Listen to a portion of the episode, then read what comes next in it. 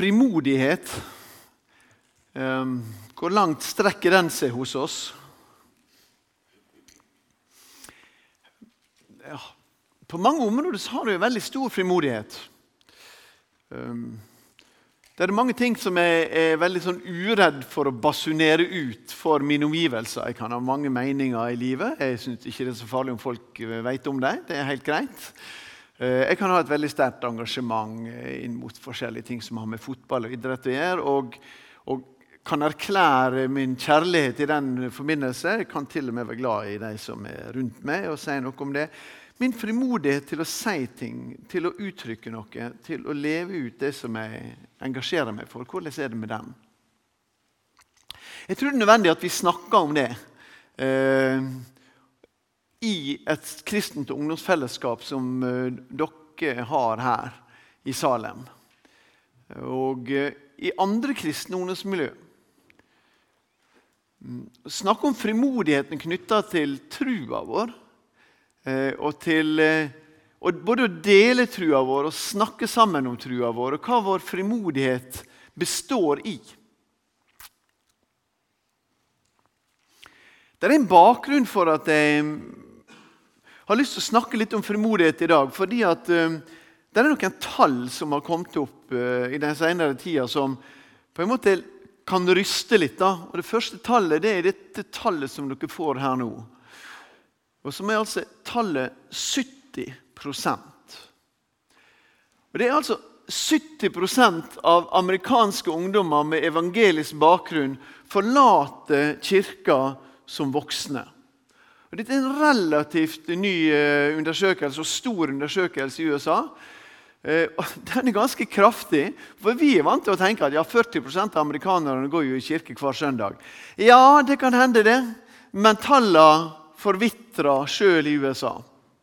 Og 70% av ungdommene med evangelikal eller evangelisk bakgrunn i den amerikanske kristenheten, de forlater kirka som voksne, og de hadde ingen planer om det som tenåringer. Hva er det da som skjer?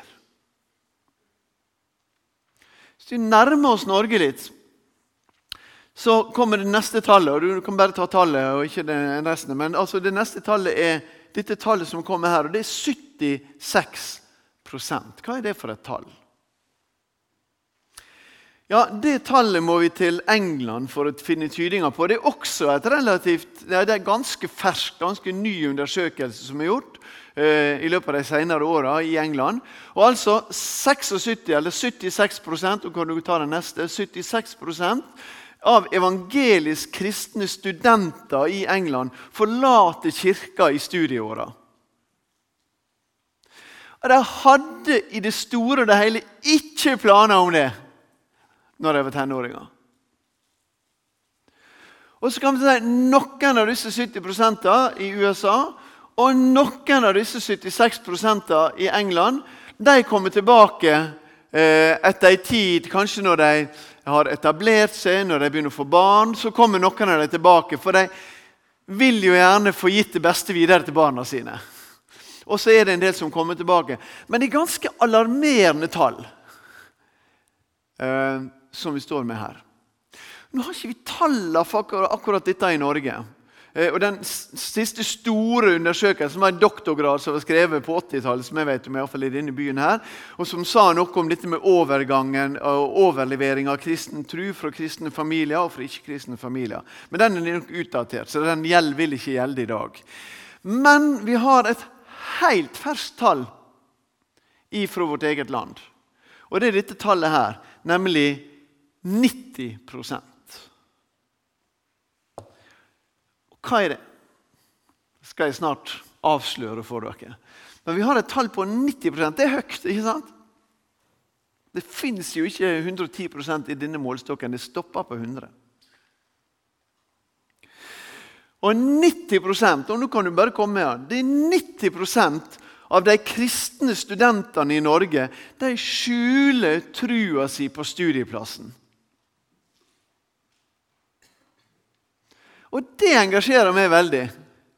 Både fordi jeg har vært ansatt i laget i noen år tidligere i, når jeg var ung og pen, Eh, men også fordi at jeg i dag jobber på en institusjon som er en kristen studieinstitusjon som har mellom 2500 og 3000 studenter. De fleste i Bergen, en god del i Oslo, en del i, i Kristiansand. Og som heter NLA Høgskolen. Og Nå skal ikke jeg tale om NLA Høgskolen, men det er grunnen til at jeg engasjerer meg så sterkt for det, at jeg jobber daglig inn mot studenter. Jeg, har, jeg er med å lede en studentinstitusjon. Og der vi gjerne vil være frimodige med trua vår. Slik at studentene skal merke at Jesus og trua på han, det er en naturlig del av det å også være knytta til NLA. Og jeg vil gjerne at Vi har jo en større andel kristne studenter i en slik skole enn det du finner på Universitetet i Stavanger, Universitetet i Bergen og Høgskolen på Vestlandet. Det er jo naturlig. Men også vi har jo sannsynligvis et stort flertall med studenter som ikke bærer en kristen bekjennelse. Og jeg vil så usannsynlig gjerne at de skal bli nådd med evangeliet, og at våre kristne studenter skal øve en frimodighet, skal få en frimodighet for trua i det studiet som de har begitt seg inn i. Men dette er tallene som nå er en helt, helt fersk undersøkelse fra lagsbevegelsen i Norge. og Der en har gått rundt og hatt en, en, en undersøkelse blant 1000 studenter. Blant 1000 studenter i Norge. Um, og De forteller meg vi har behov for å snakke med hverandre om frimodighet. Noen av dere er studenter. Noen av dere kanskje blir studenter, det vet jeg ikke, men noen av dere er studenter. jeg er rimelig sikker på. Noen av dere har vært studenter, og slik som jeg ser dere herifra, så må det ha vært ganske nylig. Slik ser vi det iallfall i min alder. så, så begynner man å se sånn på det. Dere må ha vært ganske nylig studenter, en del av dere. Uh, og, men dette gjelder jo ikke bare studentlivet. Dette gjelder jo arbeidslivet også. Eh, vi har I tre år som NLA så har vi vært med å dra en konferanse som heter Hellig hverdag. Nå setter vi den på pause et år, og så kommer vi nok igjen neste år med den med, større trykk.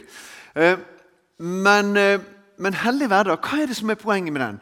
Jo, det er å si noe om at de fleste av oss lever i vårt arbeidsføre voksne liv flest timer på arbeidsplassen. I sterk konkurranse med å sove i senga eh, så er det flest timer vi bruker på arbeidsplassen vår. Og I, i løpet av en 40 års arbeidskarriere, som ikke er unaturlig i Norge, så legger vi igjen ca. 80 000 timer på arbeid. Og Jeg har bare lyst til å spørre deg Tenker du at du skal følge Jesus der? Er de 80 000 timene en del av din etterfølgelse av Jesus Kristus? Eller er det på en måte en parentes? Er det her vi følger Jesus på lørdag og søndag? Og så kommer vi tilbake til den neste lørdag? Hvor følger vi Jesus hen, dere, i våre liv? Hvor følger vi Jesus henne? Når Jesus sa 'følg meg', når Jesus kalte på disiplene og ba dem gi opp alt og følge etter han, Da kalte han dem til et liv som inkluderte de 80 000 timene med arbeidsliv. Og inkluderer de 2000 timene i året du er student, hvis en orker å være det. da. Noen gjør det. Jeg gjorde det. Og det var veldig kjekt. Jesus hører med i vår hverdag. Hvis ikke Jesus hører med i vår hverdag, da betyr jo ikke Jesus noe for oss. Hvis han på en måte bare er en sånn blankofullmakt for noe som skal skje der framme når dette livet tar slutt, så har vi en, har vi en relativt fattig, relativt fattig tru. Men når Jesus kalte oss til å følge seg, da kalte han oss til et liv i en etterfølgelse som handler om alle disse tinga. Vårt studium, vår kunnskap, vår profesjon, vårt yrke.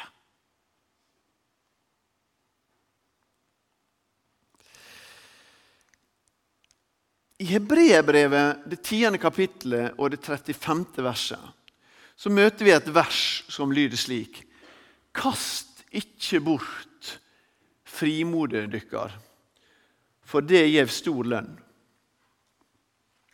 Kast ikke bort frimodet dykkar, for det gir stor lønn. Frimod. Ja, dette verset her det på en måte står i enden av tre foregående vers. Der han som skrev i brevbrevet, som ikke vi helt vet hvem det var Men han skrev tenk tilbake på den første tida, den gangen dere opplyst, ble opplyste, og siden helt ut i de lidelsene de måtte stride med. Snart ble de hånt og plaga for øynene på folk. Snart gjorde de samme sak med andre som måtte gå gjennom det samme. De lei med de som satt i fengsel, og fant dykk med glede i at det de eide, ble røva fra dykk. For de visste at de eier noe som er bedre, og som varer. Kast ikke bort frimodet deres, for det gir stor lønn. Der. Det avsnittet er det som konkluderes med det verset. Kast ikke bort frimodet deres. Har vi grunn til frimodighet?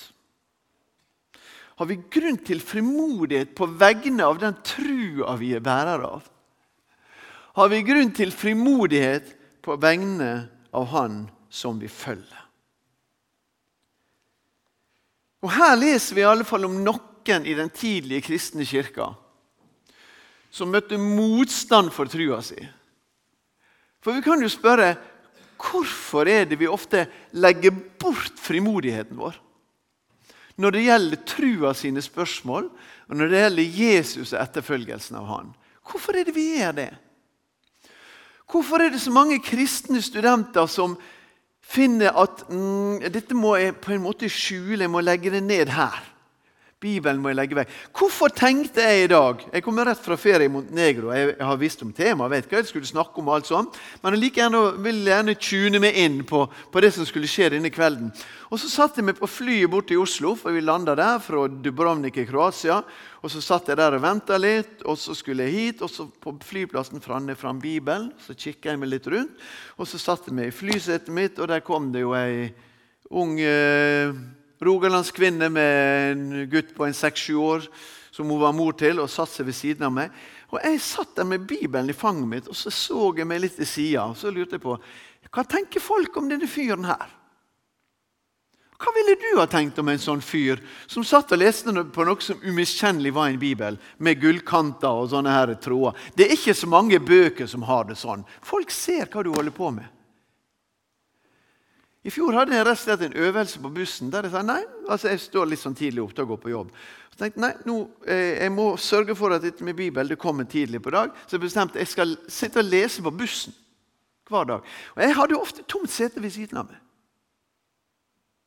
på vei inn til byen, inn til Bergen. For jeg tror det var noen som så den boka der, og da valgte jeg et annet sete. Og du utfordrer meg. Og jeg er jo en kjempeprofesjonell kristen. Jeg mener, jeg har vært med i kristent lederskap i en årrekke. Jeg har forkynt Guds ord i over 40 år. Jeg er profesjonell, jeg er teolog, jeg kan det. Og jeg sitter og ser rundt meg. Hva tenker folk om han galningen der? Det er ulike grunner til at vi på en måte ikke har frimodighet men av og til er det noe som ligger der, og som jeg tenker å, Paulus kunne alltid ha det sånn som du hadde det når du skrev til romerne. Jeg skammer meg ikke over evangeliet. For det er Guds kraft til frelse for hver den som tror, for jøde først, og så for greker. Og så sitter jeg der. Og Jeg skammer jo meg ikke over evangeliet, men ah, jeg gidder ikke ta en diskusjon på det nå. eller et eller annet sånt. Enda jeg har lest så mye av dette at jeg må jo kunne svare på noen spørsmål om jeg får dem òg. Eller hva er jeg redd for? Sa ikke han at det skulle bli gitt meg? Stoler ikke på løftet hans da? Hvordan har du det? Hvordan tenker du om dette? Og Her leste vi altså om noen. Og de var frimodige. Og Det var sånn første, det var sånn nyforelska kristne, ikke sant? De, ble kristne. Og så vet vi hvordan det er ofte med nyfrelste eh, kristne. Men hvorfor? Dette må jo vi dele. ikke sant? Det er et eller annet som bobler over inni her. Og Slik skriver han, tenk tilbake på den første tida, den gangen dere ble opplyst, og siden helt ut i de lidingene dere måtte stride med. Ja, fordi at det å vitne om Jesus, det å bære vitnesbyrd om Jesus Kristus Det har jo et, det som vi kaller det er et litt sånn gammelt norsk ord, men det har et anstøyt i seg. Det er noe som støyter seg. Det provoserer, ville vi kanskje si heller med vårt språk. Det er noe med evangeliet som provoserer. Det er noe med evangeliet, og vi kan si det er noe med evangeliet som åpner opp og gir frihet. Men for mange mennesker så er det før de ser det, så er det noe med evangeliet som blokkerer. Jesus som blokkering.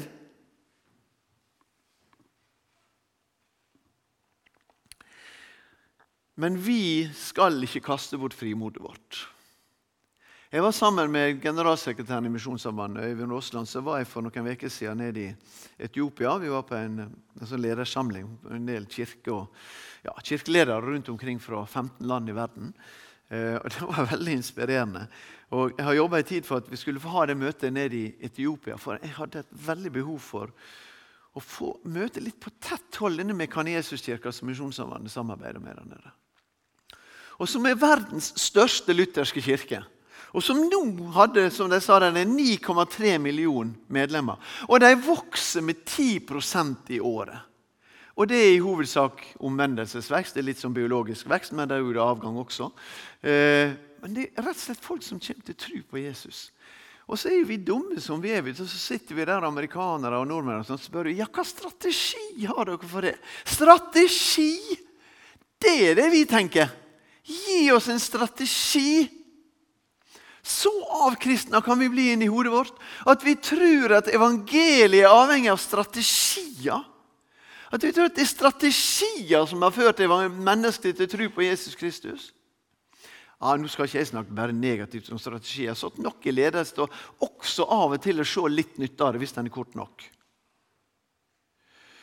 Men her møter vi en kirke som sier nei, de hadde på en måte ikke ressurser og oversikt nok til å legge strategier. Men de prøvde nå rundt omkring å få til det som de mente var det viktigste. At hvis ikke den enkelte snakker om Jesus, så er det ingen som snakker om Jesus. Så den enkelte måtte vitne om Jesus i sin hverdag. Det var i grunnen det de hadde. Spør jeg, Hadde dere noen mål? Ja, mål. sant? Det er sånn typisk sånn bedrift i Vesten må ha mål. Nei, nei. De, de, hadde for så vidt et, de, de, hadde et ønske om at de kunne få ha én million husgrupper. Ja, det kan ta pusten fra oss. Men det er fantastisk å oppleve det. Og de har opplevd noe av dette i kirka i Etiopia. I løpet av, Ikke nå, men i løpet av tider som ligger bak, og også for så vidt i konflikter som er i landet. der. De opplever noen at de blir håna og plaga for øynene på folk. som det står her. De har vært gjennom det. Det er noen som har gått i martyriet i min levetid, deres levetid i Etiopia. Iallfall i min levetid. Jeg husker det godt. Men de kasta ikke bort frimodet sitt for de vet at det har stor lønn.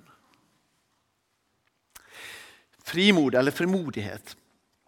Eh, et gresk ord som heter paresia. Paresia. Så går tilbake til den gamle, liksom før nytestamentlige gresken. Den gamle, klassiske gresken med den gamle Sokrates og Platon og Aristoteles og hele den der heltegjengen der.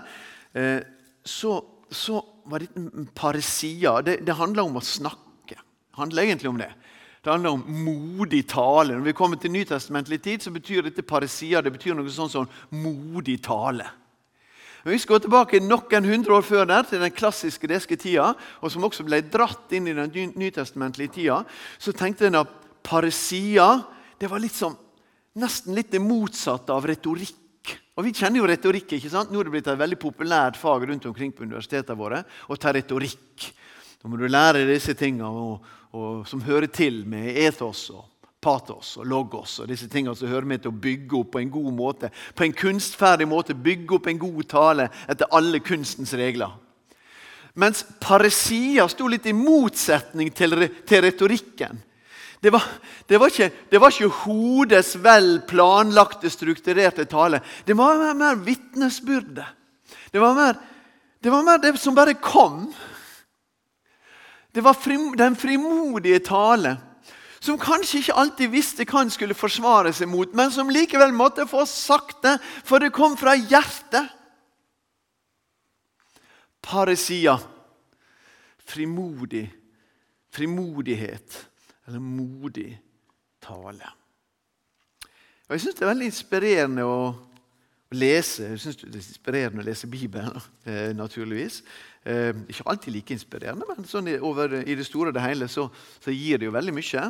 Eh, og det er alltid noe du kan hente fram. Gir du det tid med Guds ord, så er det alltid noe nytt du kan hente fram.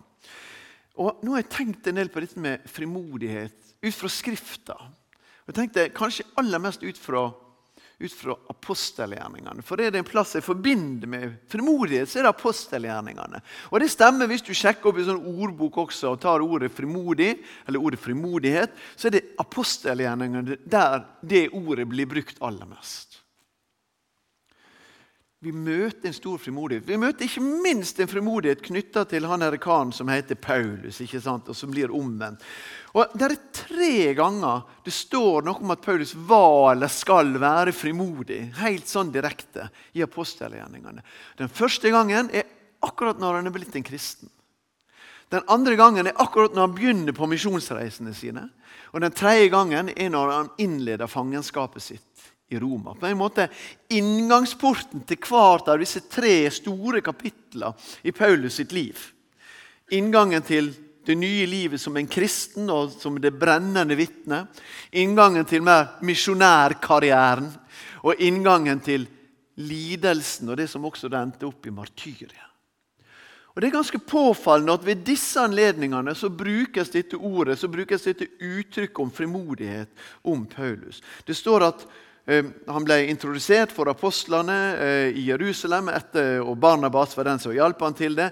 Eh, og, og hvordan han med frimod hadde forkynt Jesu navn i Damaskus. Og han gikk ut og, og talte frimodig i Herrens navn i Jerusalem. Eh, og så I kapittel 14 så står det akkurat det samme når han kom på den første misjonsreisen til Ikonium. i begynnelsen av misjonsreisen, Så står det at han talte med frimodig tillit til Herren. Og når han da er tatt til fange, eller, ja, han er tatt til fange, eh, og han blir stilt fram for rådet, eh, så står det at Herren sier til han Natta etter, kapittel 23 apostelgjerningen, natta etter sto Herren framfor han og sa:" Vær frimodig. Som du har vitna for meg i Jerusalem, må du òg vitne i Roma. Vær frimodig. Tre ganger står dette på sånne, i begynnelsen av kapittel i Paulus sitt liv. Det står som en overskrift. Og vi forstår det. Jeg kan ikke.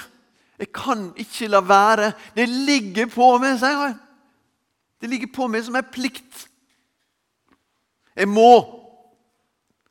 Det er noe som har forvandla livet mitt, og det er en frimodighet i det. Han bærer det samme preget som vi også leser tidlig i apostelgjerningene om de første kristne bar når de sa men dere må jo forstå det at vi kan ikke annet tale om det vi har sett og hørt. Det er paresia. Det er ikke nødvendigvis finslepen retorikk. Og Paulus i 1. Korinterbrev da skriver han til korinterne også om at jeg kom ikke til dere som noen stor retoriker. Han var noen dyktig retoriker. Han var noen dyktig talekunstner. Det ser vi egentlig når vi leser brevet hans. Han var ikke noen dumtosk. Når vi leser Galaterbrevet, for eksempel, så ser vi at det er bygd opp akkurat på en slik måte som en ville bygd opp et sånt forsvarsskrift som han skriver som Galaterbrevet. Så han kan kunsten. Det er ikke det at han ikke kan kunsten, men han skriver til korinterne jeg ville ikke komme til dere med talekunst, med retorikk. Jeg ville ikke. For jeg ville at Jesus Kristus skulle stå der naken for dere på korset. Dere skulle kjenne han korsfesta og ingen andre. Det var ikke min dyktighet dere skulle bli kjent med, men det var han i hans vannmakt. Og hans svakhet er mye sterkere enn vår styrke. Og hans dårskap er mye visere enn vår visdom. Og det var han jeg ville vise. Og derfor kom jeg til dere, om ikke med talekunst. Jeg var til og med redd iblant dere, skriver han. Men han kom med paresia. Han kom med modig tale. Så fikk noen støte seg på det. Jødene støtte seg på det, grekerne støtte seg på det. Men noen kom til tru, og det ble menigheten i Korint. Og slik er det med vårt vitnesbyrd også.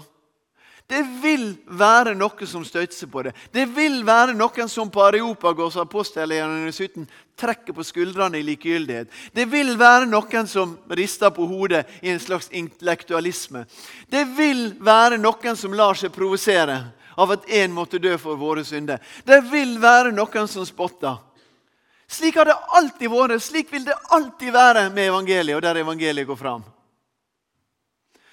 Men der evangeliet blir vitna, der vil det også være noen som kommer til tro på Jesus Kristus.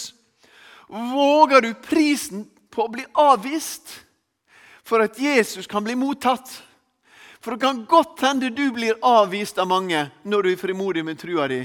Men det kan også være, eller det ikke bare kan være, det er også den frimodigheten som åpner for at en og annen og noen går inn den døra som du åpner.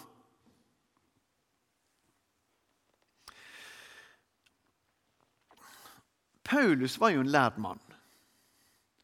Og Vi leser ikke minst her eh, når han er i Jerusalem, i kapittel 9, så står det at han gikk ut og så snakka med de lærde. Han snakket med de gresktalende jødene og ga seg i ordskifte med dem. Han argumenterte for trua si. Jeg tror mange kristne i dag kommer til studieplassene sine og nedskalerer frimodigheten på trua fordi at en har lært seg til en tankegang om at nei, det er sikkert en eller annen konflikt mellom det som jeg lærer her og trua mi. La jeg holde trua lavt, slik at jeg kan, jeg kan på en måte skille disse to tingene fra hverandre. I kulturen vår er det mange som vil at vi skal tenke sånn. Trua, ja, men den må du bare Bare hold den for deg sjøl. Bare la den være privat. Trua får være din personlige sannhet. Den er ikke noe som skal vedkomme andre. Trua er privat. Det er den største løgna som fins. Trua på Jesus Kristus er ikke privat. For trua på Jesus Kristus det er trua på Han som har skapt himmel og jord. Det er å følge Han som kaller seg sannheten, veien, sannheten og livet. Og Hvis ikke det budskapet han kom med, er sant, og hvis ikke han er sann, da er trua vår ingenting verdt. Hvis han ikke sto opp igjen, skriver Paulus i 1. Korinter 15, hvis det ikke er konkret sant at han gjorde det, da er vi verre stilt enn alle andre. Da har vi bare dumma oss ut med å tro på han. Og vi, vi, må på en måte dra det dit med Jesus. Vi må forstå med C.S. Lewis, den store eh, forfatter C.S. Lewis, som bl.a. også skrev Narnia-bøkene, og som skriver dette her om at Jesus ja, det er naturligvis en mulighet at han var gal.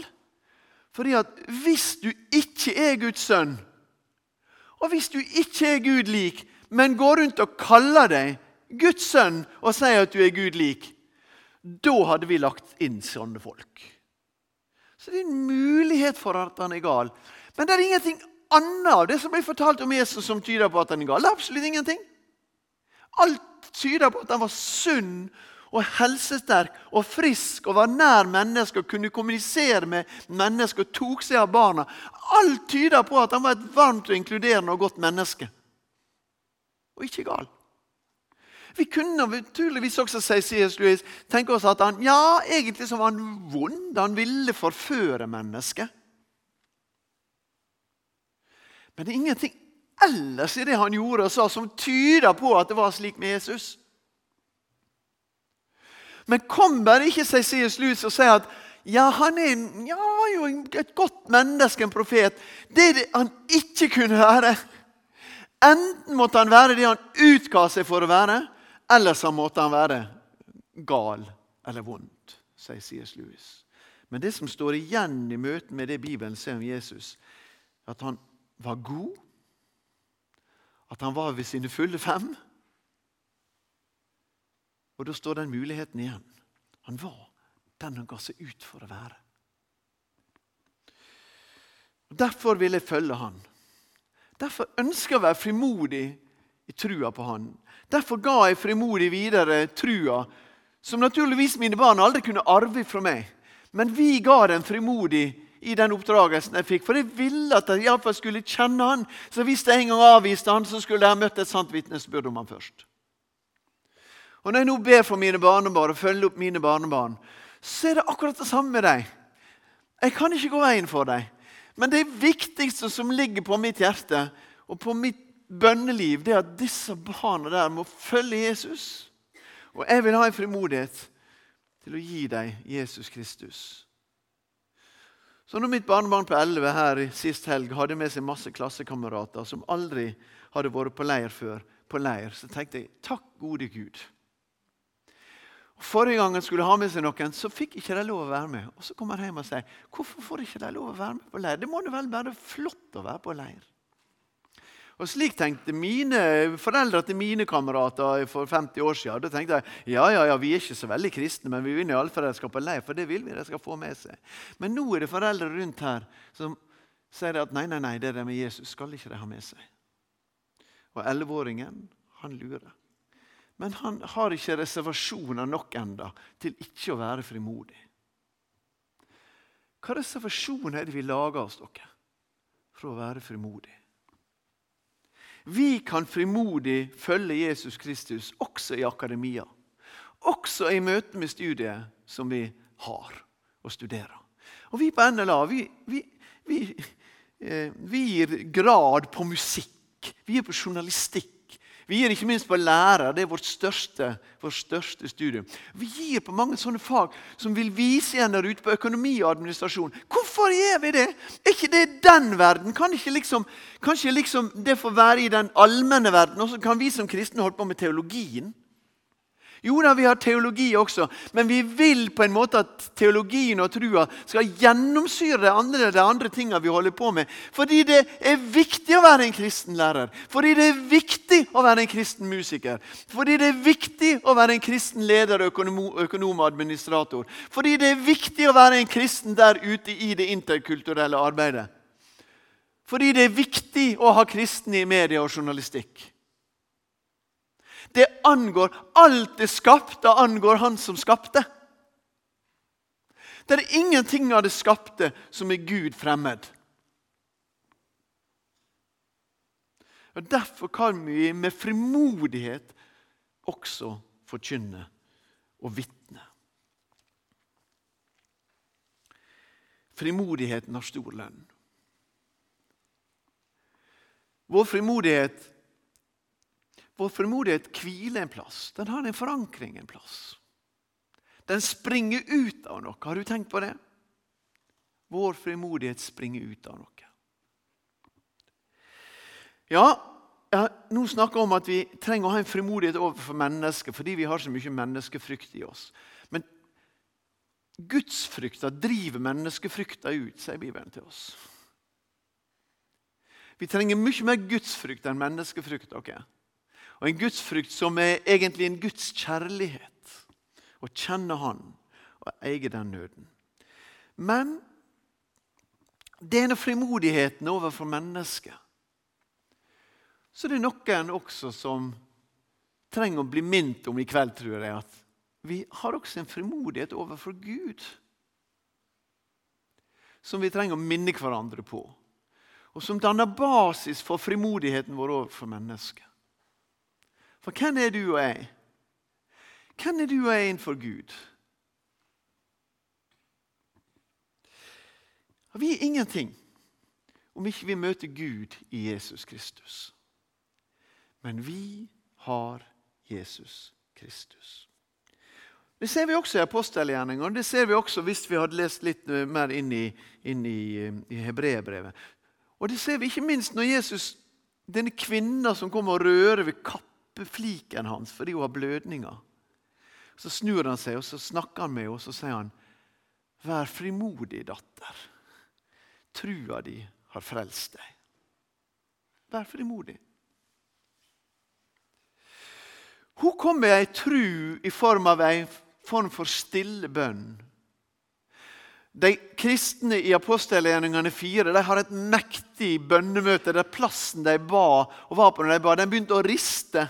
Fordi det står to ganger at de hadde en stor frimodighet for evangeliet. Og Det sier også hebreerbrevet noe til oss om. Hebreerbrevet i det fjerde kapittelet. Eh, og skal, Der skal vi slutte det som jeg har å si her nå. Fordi Det er en frimodighet Ja, vi, vi, er kalt til å følge Jesus med en frimodighet overfor de mennesker som vi omgir oss med. Og vi kan med frimodig være kristen på studieplassene våre og på arbeidsplassene våre. Det har konsekvenser. Du skal ikke være lørdags- og søndagskristen. Vi er kalt til å være kristne 24-7. Følge Jesus 24-7. Og så er det han her vi følger, han som også sier dette til oss gjennom sitt vitne. La oss derfor stige fram for nådens kongstol med frimod.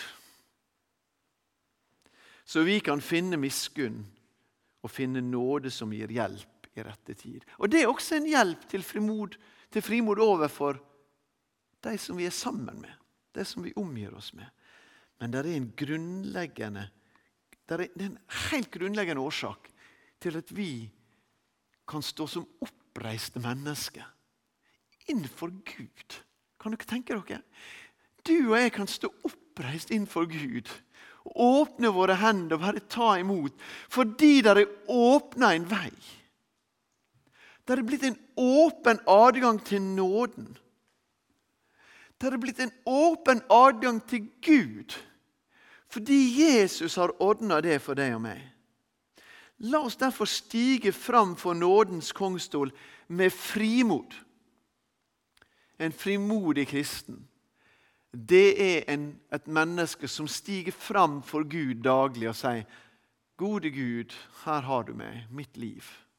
Takk for at jeg får høre deg til i Jesus Kristus. En frimodig kristen er en som stiger fram for Gud og sier, Kjære Gud, der er noen mennesker rundt meg i min hverdag. Jeg har så mektig behov for at de skal få møte deg. Og nå vil jeg minne, nå vil jeg åpne himmelens dør for deg. Ta imot deg. Åpne opp deres hjertedør. Og så kan du med frimod få være en forbeder for de mennesker som du er glad i å omgi deg med. Og så kan du med frimod også få møte studiedagen din og arbeidsdagen din og vite at du går med Jesus. Og det er ikke noen motsetning mellom livet som han har kalt oss til på den skapte jorda. Som arbeidere, som studenter, og som foreldre, og som venner, og som arbeidskamerater. Det er ikke motsetning mellom det livet og det livet han har kalt deg til, Jesus Kristus. Tvert imot. Det er der du har fått kallet til å leve det ut. Kjære Jesus. Nå ber vi deg om akkurat det. At vi skal ha frimodighet til å leve ut Jesuslivet. Takk for at du åpner en vei for oss som gjør at vi kan stå for Gud med frimodighet. Det er vi uendelig og evig takknemlige til deg for. Så ber vi om at vi skal få bære med oss det frimodige ut når vi ber for, når vi ber for deg som eh, ligger oss på hjertet, og når vi lever sammen med de mennesker som er rundt oss i vår hverdag. Hjelp oss å være frimodige, ikke skjemmes ved evangeliet, men å fryde oss og rose oss av Kristi kors. Amen.